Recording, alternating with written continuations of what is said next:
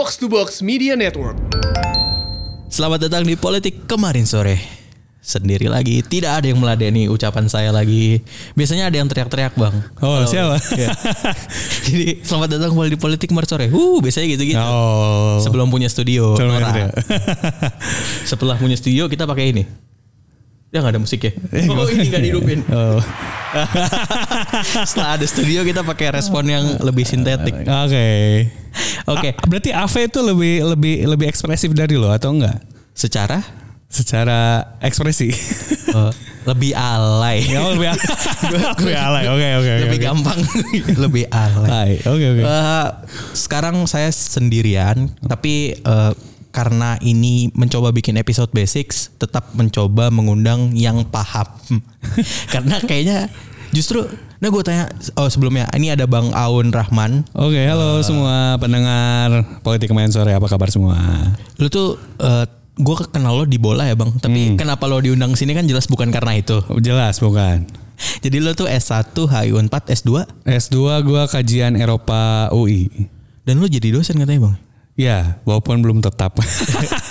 Dosen di Gua dosen di beberapa universitas swasta di Bandung. Kebetulan ya mungkin karena sebenarnya cuma di podcast ini gua bisa ngomongin politik karena gua kebetulan bukan dosen politik juga. Oh lo dosennya HI juga? Gua bukan juga, gua dosen komunikasi sebenarnya. Wadidaw. Karena entah kenapa gua justru dijadikan pengajar bukan karena keilmuan gua tapi praktisi gua di media gitu. Oh, si ijazah cuma jadi tameng. Iya. gitu ya. oh ya ini S2 gitu udah gitu. Karena gue juga bingung karena kalau jujur amal gue gue sebenarnya lebih pengen jadi dosen politik ya. Karena kan gue belajar ya kurang lebih tujuh tahun tuh ya eh, ya eh sorry eh, ya tujuh tahun tujuh tahun ya anggaplah tujuh tahun tuh ya politik gitu. Cuman sayangnya eh dunia akademis lebih menghargai Iya. pengalaman gue sebagai jurnalis ketimbang jadi sebagai yang lulus dari ke kampus politik gitu. Bang, ini ini pertanyaan gue sebelum masuk ke topik sih, Bang. Kenapa kalau kita ngundang ahli yang benar-benar ahli, Hmm. itu justru biasanya ngomongin sesuatu yang sangat-sangat basic. Hmm. Itu itu itu apa dasarnya, Bang? Ya mungkin karena sebenarnya uh, orang-orang tuh pengen pengen tahu suatu hal tapi pengen tahu kayak uh, rootnya gitu loh kayak kenapa kejadian itu terjadi, kenapa uh, epistemologinya lah, kenapa kenapa itu ada, kenapa itu sesuatu. Ketimbang lo nanya sesuatu yang expert gitu loh. Kalau expert mungkin satu pendengar mungkin juga bingung, kedua kita juga yang nanya juga bingung gitu. Tapi itu nggak menjawab pertanyaan kenapa yang diundang ngomongin Pancasila Mahfud MD. Ketawa lo kenceng. gue masa kalau ketawa di podcast pasti ya kenceng-kenceng aja orang gak ada yang gak ada, gak ada yang marah. Iya kan maksudnya Iya. Gue juga tapi gue juga, juga bingung ya, kenapa basic kalau itu basicnya basic basic banget dan basic tapi paling bawah gitu. gue juga bingung. Karena gue juga pernah mengikuti sebuah seminar di mana gue kecewa gitu. Judulnya keren banget tuh kan. Gue lupa apa ya. Pokoknya seminar tentang eh digital mass media lah. Ah. Oh itu diundangnya itu siapa ya? Pokoknya tokoh terkenal lah. Gue kan ngarep wah dapat ilmu nih gini, gini. Ternyata oh, anjing gini gini, gini doang gue juga tahu. gue 30 menit gue langsung cabut. Cuman makan, makan konsumsinya karena penting. Sayang terus gue cabut habis itu. Oke, Bang Awan itu mau gue ajakin uh, buat ngomongin geopolitik. Uh, jadi kenapa topik ini muncul? Sebenarnya gue baca papernya CSIS, Bang. Hmm. CSIS itu bulan April nggak salah ngeluarin paper geopolitik pasca COVID-19. Oke. Jadi uh, menurut mereka, uh, gue baca yang nulis aja bang ya Muhammad Wafa, nggak salah Muhammad Wafa ini menurut uh, mereka CS di CSIS ada dua tren yang mungkin terjadi setelah geopolitik di COVID-19. Yang pertama itu tren keberlangsungannya dunia tanpa kepemimpinan di, di di di level global gitu. Oke. Itu dapat diwujud eh, dapat dilihat dari susahnya kita berkoordinasi, susahnya masuknya WHO ke negara-negara tertentu, susahnya ilmuwan buat ngeraba. Ini ini ini seharusnya kalau di ranah keilmuan ini sesuatu yang diprediksi gitu. Ah, iya, Tapi iya. kenapa WHO masih susah bergerak itu menurut mereka karena ini tren keberlangsungan tanpa kepemimpinan negara global. Yang kedua itu tren bergesernya kepemimpinan ke arah Asia. Oke. Jadi karena Asia ini udah apa ya maksudnya lebih tanggap, lebih cekatan buat ngurusin wabah ini menurut mereka kayaknya negara ASEAN yang akan lebih banyak disorot dengan menguatnya China, terus juga eh, ya Korsel salah satu keberhasilan yang cekatan. Kayaknya ke arah depan geopolitik akan mulai bergeser ke Asia. Hmm. Yang pengen gue tanyain, oh sebelumnya jadi untuk memahami peristiwa ini lebih jauh, kita bikin episode basic dulu terkait kata geopolitik ini. Yoi. Tepat nggak sih bang katanya geopolitik? Sebenarnya tepat karena waktu gua dulu belajar itu ada mata kuliahnya juga. Tapi kita belajarnya itu eh, sekarang katanya waktu gua tanya sam, sa- eh, temen apa eh, rekan sejawat, rekan sejawat gue yang dosen di dosen di gua eh, waktu S1 dulu. Sekarang jadi 4G dulu namanya 3G eh, geopolitik, geokultur, geoekonomi. Sekarang nambah geostrategi kalau nggak salah. Tapi intinya sebenarnya si si big big talking point sebenarnya di geopolitiknya karena itu rootnya gitu. Nah, Oke. si Untuk ap- membahas ini lebih lanjut, episode ini akan berisikan yang pertama apa itu geopolitik, yang kedua eh, mengapa penting mengamati geopolitik kalau memang jawaban Bang Awan penting. yang ketiga mulai dari mana mau ngikutinnya karena banyak banget kan Asia, Timur Tengah, eh, US China atau yang kebanyakan di kita Israel Palestina, Bang. Oh iya pasti, iya pasti pasti pasti. Eh, terus yang terakhir kita mau coba korelasiin dikit. Kira-kira sebenarnya dengan ngamatin geopolitik ini kita bisa dapat apa buat kondisi dalam negeri kita? Ah. Eh, itu aja mungkin. Oke. Selamat mendengarkan politik kemarin sore. keputusan MK tentang rumput eksekutif sudah dibahas. Dibilang nggak ada naskah eksekutif, eh, naskah ada nih, as- naskah ada, naskah ada akademisnya. Yang bener aja, apa kita orang tolol semua? masalah kuasa alibimu Yuk. Bang, eh, terkait sama istilah yang tadi tuh bang. Hmm. Jadi sebenarnya pemilihan kata geopolitik itu tepat untuk menggambarkan ini karena apa bang? Sebenarnya geopolitik itu apa? Sebenarnya secara kalau kalau gua di antara semua eh, definisi ya Iya. dari para ahli yang bikin gua paling senang dari Karl Haushofer dia bilang kalau geopolitik ini merupakan landasan politis landasan tindakan politis eh, yang dipengaruhi oleh keadaan geografi dari suatu negara. Walaupun sebenarnya si, si keadaan geografi ini kan si eh, cabang ilmunya banyak ya. Ada Ya, betul. demografi, ada ada, ada stratigrafi dan lain-lain. Nah, ini bagaimana sih keadaan geografi ini mem- kemudian mempengaruhi eh, situasi politik di eh, wilayah itu sendiri. Kalau kalau secara sederhananya sih demikian gitu. Contohnya ya bisa misalnya eh keseragaman negara-negara Asia eh, Eropa Timur misalnya. Itu kan karena mereka banyaknya pecahan eh, Soviet kan ya. Nah, itu kan eh, cukup banyak di mana negara bentuknya hampir-hampir mirip lah walaupun titelnya republik mereka nulisnya. Cuman kan rata-rata karena mereka pecahan Soviet bag- si sistem politik yang dianut juga hampir mirip waktu ketika mereka masih bergabung dengan Soviet itu kan salah satu pengaruhnya gitu. Jadi si geopolitik ini memetakan si eh, hal-hal yang terkait ideologi dan lain-lain itu Ya. berdasarkan faktor geografi. Faktor geografis Atau- terutama.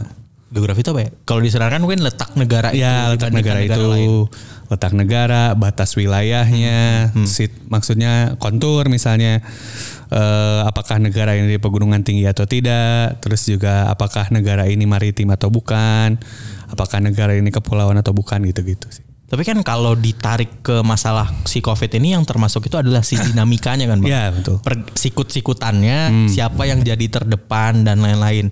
Nah, buat orang yang belum bisa menyelesaikan masalah dirinya sendiri, Iya betul. apalagi menyelesaikan masalah bangsanya, Hmm. kenapa kita harus mulai melihat permasalahan geopolitik gitu, Bang? Karena ini kenapa sih geopolitik ini jadi penting adalah keterkaitan juga dengan eh, neighboring coun- countries juga. Erat kaitannya dengan negara tetangga kita gitu. Maksudnya kenapa kita harus paham Negara serumpun ya? Ya, negara Kalau serumpun. Malaysia ya? Ya, negara serumpun. Ya. Di mana mereka mengakui kalau misalnya ini sedi- sedikit sama bidang gua, mereka menyebut derby antara Inter- Indonesia dan Malaysia itu derby Nusantara buat mereka. Si dari ini dari Malaysia, pihak- Dari Malaysia. Oh. Akhirnya yang dipakai juga sama orang Indonesia ketika menyebut pertandingan antara Malaysia dan Indonesia itu derby Nusantara. Hmm. Gitu. Padahal awalnya seingat gua tahun 2000-an awal 90-an tuh disebutnya derby Melayu. Tapi masalahnya ketika nyebut derby Melayu harus ngikutin Singapura juga. Jadinya derby Melayu itu kalau Singapura ketemu sama Malaysia. Kalau konsep trofeo berarti Ya. nah itu yang tadi contoh kita sebutin tuh ya negara-negara serumpun, negara-negara misalnya Indosina itu tuh geopolitik itu tuh. Nah, itu kenapa penting bang? Maksudnya ya Malaysia selain, maksudnya kalau selain mereka ngerampas rendang dan lain-lain sih, gue nggak ada masalah sama mereka ya bang ya. Maksudnya, Karena kan istilahnya eh, bagaimana hubungan is- sebenarnya kita eh, perkecil skupnya ke kayak dalam sistem manusia gitu, kayak manusia. Kalau lu nggak bisa beresin hubungan lu sama orang terdekat lu, kan urusan ke depannya makin sulit tuh. Jadi segala sesuatu dimulai dari yang eh, Terkecil dulu. paling kecil dulu. Kalau misalnya sebelum naik ke at- paling atas gitu, misalnya Indonesia, contoh eh, beresin dulu hubungan dengan negara-negara tetangga serumpun. Abis itu eh, beresin dulu hubungan dengan negara-negara sama Asia Tenggara. Abis itu naik lagi dengan hubungan-hubungan antara negara Asia Pasifik. Naik lagi dengan negara-negara Asia secara besar. Naik lagi UN gitu-gitu sih sebenarnya. eh, ini kaitannya ke apa bang? Keberlangsungan secara ekonomi kah? Atau demokrasi? Bisa jadi salah satu faktor, maksudnya aspek yang dibahas dalam geopolitik itu ya termasuk demokrasinya juga, termasuk gimana ideologi itu berkembang di satu wilayah juga gitu. Yang paling penting ya kalau yang kalau misalnya gue pelajari waktu itu ya sebenarnya adalah soal hubungan antar negara dalam satu wilayahnya itu sih yang paling concern ya kalau gue ya. Apa yang dilakukan oleh satu negara ketika dia ada di satu wilayah itu gitu. Di percaturan politiknya dia ngapain gitu loh. Itu yang gue dapat dari belajar geopolitik. Misalnya paling gampang tuh kan gue tarik ke ASEAN bang. Ah, ASEAN. ya, boleh. Eh, Indonesia kan eh, salah satu negara founding Fathers, ASEAN ya. gitu. Nah. Nah, it, it- peran founding fathers itu adalah peran yang dipegang Indonesia di kawasan ASEAN. Hmm. Artinya apa? Apa bagusnya itu buat Indonesia? Bagusnya adalah Indonesia bisa menentukan sikap ASEAN eh, terhadap eh, elemen lain. Misal, negara ASEAN sepakat eh, m- merumuskan bahwa mereka tidak akan lagi produksi padi. Misal, kalau Indonesia punya Beralih ke super bubur semua Iya. gitu ya. Iya, misalnya, misalnya itu gitu. Semua harus super bubur satu ASEAN. Ya, ya yang dia- Indonesia punya power untuk eh, menekan keputusan itu gitu. Posisi mereka sebagai founding father. Kok di tapi saya nggak tahu ya. Maksudnya kalau kita bicara waktu zaman KA, waktu zaman gerakan non blok, waktu zamannya presiden yang 32 tahun itu Iya, iya. Indonesia powernya masih gede. Terakhir Indonesia powernya besar itu ketika presidennya jenderal. Yang kedua, yang dua yang dua periode. Eh, itu masih lumayan lah karena kebetulan kan yang si, si Pak Jenderal ini bikin kebijakan eh zero enemy million friends itu loh. Oh iya benar-benar ya. Kan jadi dia men- merekatkan lah. Tapi se- setelah beliau gua lihat Berarti kebijakan itu nggak nggak basa-basi ya bang ya? Gua kebijakan selama ini kalau ngelihat pemimpin ya satu, sat- kalau pemimpin kampanye kan Iya. satu musuh itu terlalu banyak buat kita. kita mau seribu kawan. Ada tuh kemarin dipakai narasi itu bang. ya Pak, ya itu banyak pasti. Berarti itu nggak basa-basi ya bang? Ya, karena itu jadi pedoman terus motivasi juga, terus juga jadi cara lah maksudnya untuk gimana ke- keberjalanan negara di level internasional terutama sikap sikap yang harus dibuat seperti apa. Misal karena kita ikut OKI Indonesia ikut organisasi Islam, sikapnya harus sesuai dengan sebagai negara Islam gitu. Itu kan juga jadi eh, faktor geopolitiknya juga gitu. Oh. Walaupun nggak nggak terbatas sama organisasi internasional juga, cuman kebetulan kenapa organisasi internasional terkait sama geopolitik itu karena eh, banyak organisasi internasional organis- sorry organisasi internasional ini muncul dari kesamaan wilayah gitu kan kayak Uni Eropa terus juga Pan Afrika dan lain-lain gitu itu kan rata-rata munculnya karena kesamaan wilayah gitu Oh, berarti Indonesia minus Jawa bisa bikin organisasi bang? Nggak bisa Korban Soeharto. Wah Sami ini tadi. Bisa sih karena gue jadi nyebut lagi. Karena gue merasa sepertinya juga bisa Indo- Indonesia membuat eh, front anti Jawa tuh mungkin, mungkin, mungkin ya, mungkin, mungkin. Possible, possible sekali. Terus kalau gua oh ini bang sebelum ke sana berarti buat kayak oke lah ya kalau ngomongin organisasi-organisasi udah banyak lah kebentuk kayaknya buat bikin organisasi baru hanya supaya muncul kembali titel founding fathers itu kan lucu banget. Ya, oh iya. ASEAN versi 2 yang pertama nggak asik, kita udah nggak kuat lagi Karena gitu. Indonesia sepertinya mau melakukan itu dengan negara-negara eh, Pasifik, dengan negara Oseania. Lu inget nggak? Ini kayak MU mau bikin Liga, Liga Eropa sendiri ya. Ya, ini mirip banget, mirip, mirip banget. Ini soalnya gue pernah nulis, eh nulis waktu itu di sebuah media waktu gue masih jadi jurnalis. Indonesia tiba-tiba tanding lawan Fiji, out of the blue. Ke- kepulauan itu. Ya, Si- negara kepulauan. Tiba-tiba tiba-tiba tanding lawan Fiji, out of the blue nggak ada apa nggak ada apa. Ternyata setelah gue telisik, Fiji ini mendukung Indonesia terkait eh, kemerdekaan Papua. Sikapnya gitu. Karena si negara Pasifik Oseania ini kayak bikin kelompok isinya mendukung kemerdekaan Papua. Fiji, Samoa, ada beberapa negara lain tuh nggak sepakat gitu. Ya ngaruh-ngaruh itulah. Oh, ja- jadi buat menguatkan kembali status itu yang diperlukan apa, Bang? Menguatkan kembali status. Iya kan kayak tadi Abang bilang udah nggak punya suara lah kita di ASEAN gitu. ASEAN yang kontrol kayaknya lebih besar mana sekarang Thailand apa Malaysia apa mana. Buat menguatkan posisi kembali yang harus dilakukan Indonesia itu apa? eh satu ada dua jawaban sebenarnya. Gua pertama Indonesia ini kan punya wawasan Nusantara. Bagaimana si wawasan Nusantara ini adalah bagaimana pandangan Indonesia eh, keluar eh, dan juga ke dalam. Maksudnya bagaimana soal eh, menjaga per- perbatasan, bagaimana memanfaatkan sumber daya yang secara terens gitu. Maksudnya si lingkup wilayahnya. Karena ini kan si Wawasan Nusantara ini eh, merupakan turunan dari ZEE-nya Insinyur Juanda ya. Soal zona ek- ekonomi eksklusif. Nah, itu yang harus ditekankan. Perta- Sebenarnya sih wawasan Nusantara ini secara ide bagus, cuma implementasinya kurang. Karena mau gak mau ide soal kenusantaraan ini harus didukung juga dengan eh, firepower. Dengan dengan militer. Karena sepengalaman gua sepengalaman gua belajar politik, Iya, iya. Satu-satunya cara agar sebuah hukum bisa ditegakkan adalah dengan militer. Ini cara menurut pandangan gue ya, walaupun kadang ya tidak tepat juga kadang-kadang. Karena yang gue lihat kalau situasinya Indonesia terutama, Indonesia bisa melakukan deterrence. Lo tau deterrence kan? Eh, ditranslate ya bang, biar Iya. semuanya paham. Oh, deterrence ini sebenarnya gue gak tahu bahasa Indonesia ya, cuman intinya adalah gini. Lu menunjukkan power lu bukan untuk nembak. Tapi Supaya orang lain mau orang lain tan- tunduk dan takut. Yang dilakukan Amerika sejauh ini sampai sekarang sebenarnya deterrence, cuman kelapakan. Ah, iya, benar. Istilahnya kayak lu mau nembak nakut-nakutin burung, Iya. eh ketembak. Nah gitu, itu yang dilakukan oleh Amerika. Jadi aja perang tiga kali itu kan di Timur Tengah. Itu sebenarnya mereka deterrence, mau nunjukin ke Rusia sama Cina nih gue kayak gini. Tapi terlalu nem, istilahnya nembak pelatuknya terlalu kencang. Nah, yang dilakukan Indonesia tuh eh, harusnya eh hampir mirip lah. Gue waktu itu ngobrol sama bintang tamunya politik kemarin sore yang minggu kemarin pernah Oh, iya. ngobrol kebetulan ngobrolin border juga. Yang harus dilakukan Indonesia agar bordernya tidak dimacam-macamin sama Malaysia sama Singapura adalah keliling-keliling aja pakai kapal Tiger, pakai si perahu perang itu. Oh berarti sih kebijakan Bu Susi itu secara tidak langsung Itu kebijakan geopolitik banget itu. Itu penting banget dan itu yang harus dilakukan oleh Indonesia sebenarnya. Udah keliling-keliling aja di perbatasan. nembakin gitu bang ya. Bisa bisa perlu ditembakin, bisa perlu enggak. Kalau bisa nembakin bagus.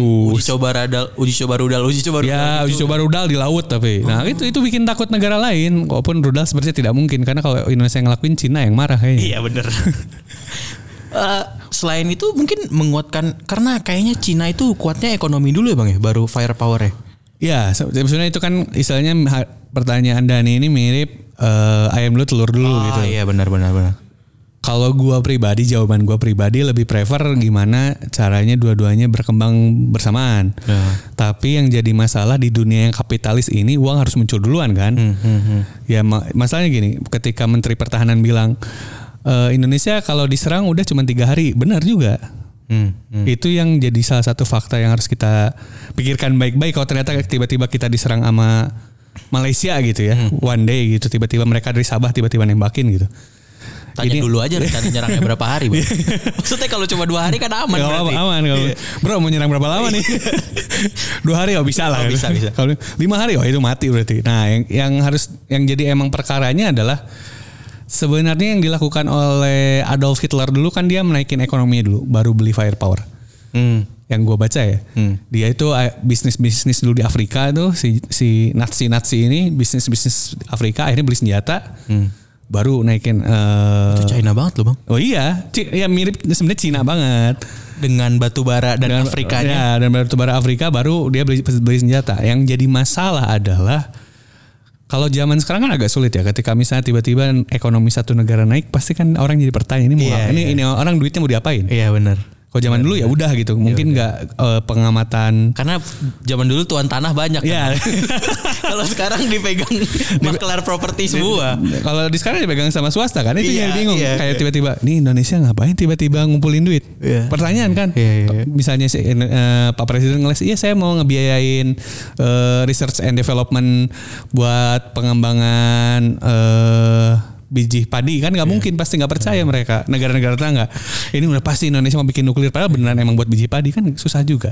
Itulah sulitnya ketika eh, mau bikin the trends tuh kayak gitu sulitnya. Karena sistemnya udah beda dengan zaman dulu gitu.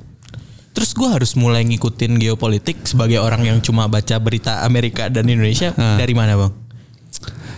Sebenarnya paling eh, apa ya tergantung kesukaan lu ya. Maksudnya karena eh, hubungan internasional kan udah jauh lebih bagus ya sekarang ketimbang zaman dulu lah yang di mana eh, hubungan lu kebatas sama jarak kebatas sama waktu.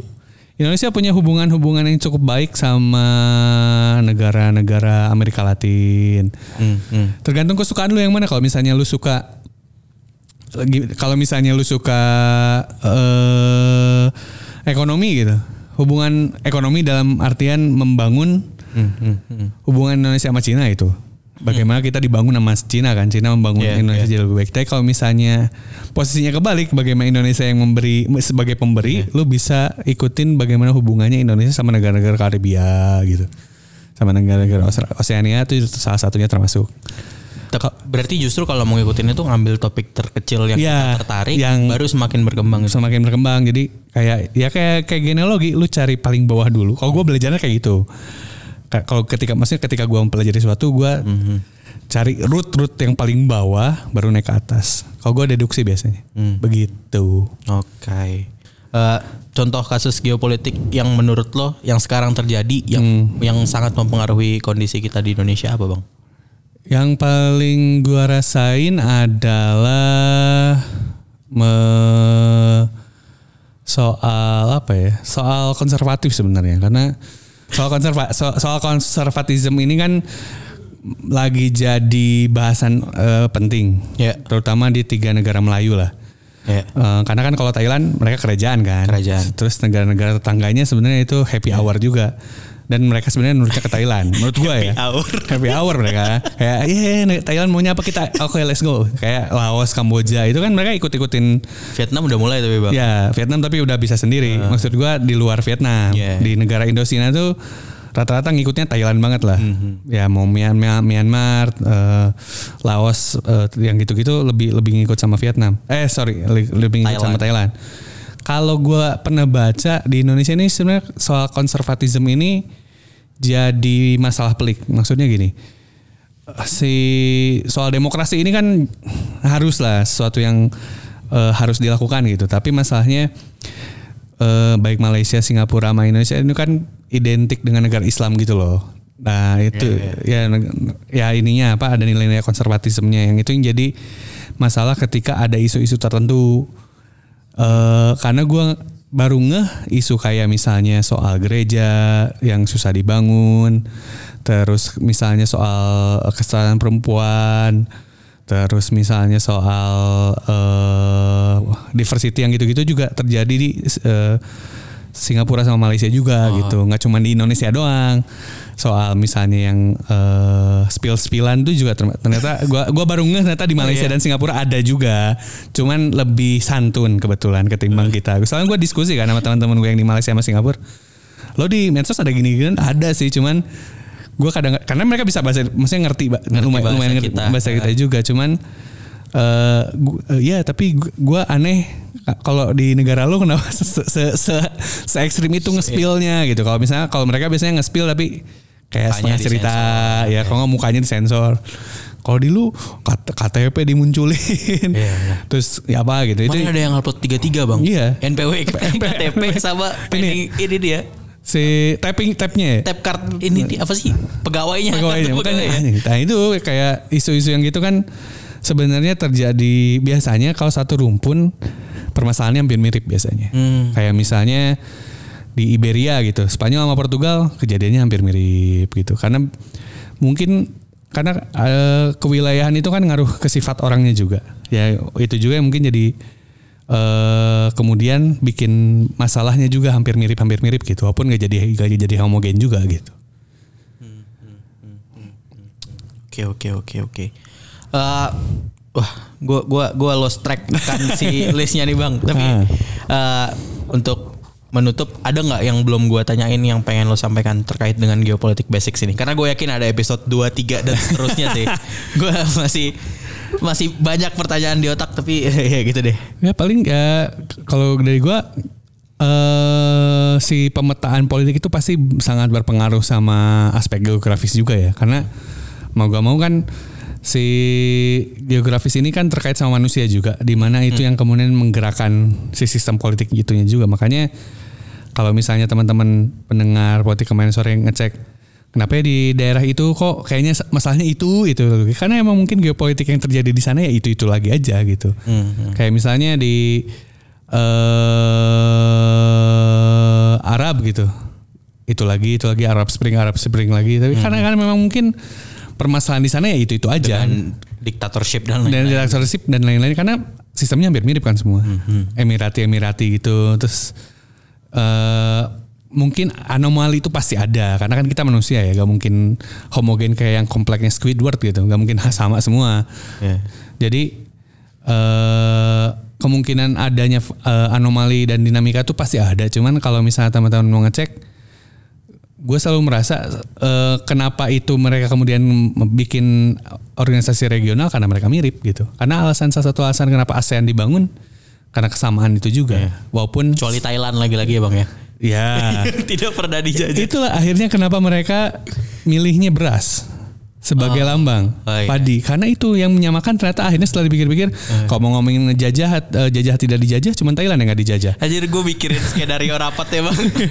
Jadi kesamaan kita apa nih? Zodiak lo apa? Terus kalau mau mikirin etnis? Oh iya. Susah. Susah karena yang satu Melayu yang satu Indosina Kebagi bawah atas Iya ya, Bang. bawah atas. Terus ngomong ngomongin ekonomi ada yang kaya kaya banget, ada yang kismin kismin banget kan. Akhirnya setelah dipikir kesamaan apa? Makan nasi, oke ya udah. Sesimpel itu sebenarnya ngomongin eh, geopolitik tuh gitu. Sebenarnya. Jadi sebenarnya kalau dibilang kita founding fathers ASEAN gak usah terlalu bangga ya bang Iya Karena sebenarnya. cuma kesamaan atas nasi jadi yang jadi simbol ikatan ya gitu. Betul sekali. Iya. Eh, mohon maaf eh, karena kayaknya nggak terlalu basic nih bang episode basicnya. Ya, Mungkin mohon maaf ini pendengar karena saya jadi kebiasa saya, saya udah lama gak ngajar gak ngajar politik nih maksudnya jadi terpancing Ya, terpancing. akan dibiasakan oleh Bang Aun berkuliah politik di politik kemarin sore. Eh, mungkin kita butuh feedbacknya gimana caranya supaya lebih ringkas Hmm. dan lebih mudah teman-teman pahami. Boleh langsung ke Twitter dan Instagram aja @p kemarin sore. Terima kasih Bang Aun atas Siap, waktunya. sama-sama terima kasih juga Eh, Dani. Eh, terima kasih sudah mendengarkan. Sampai jumpa di episode selanjutnya.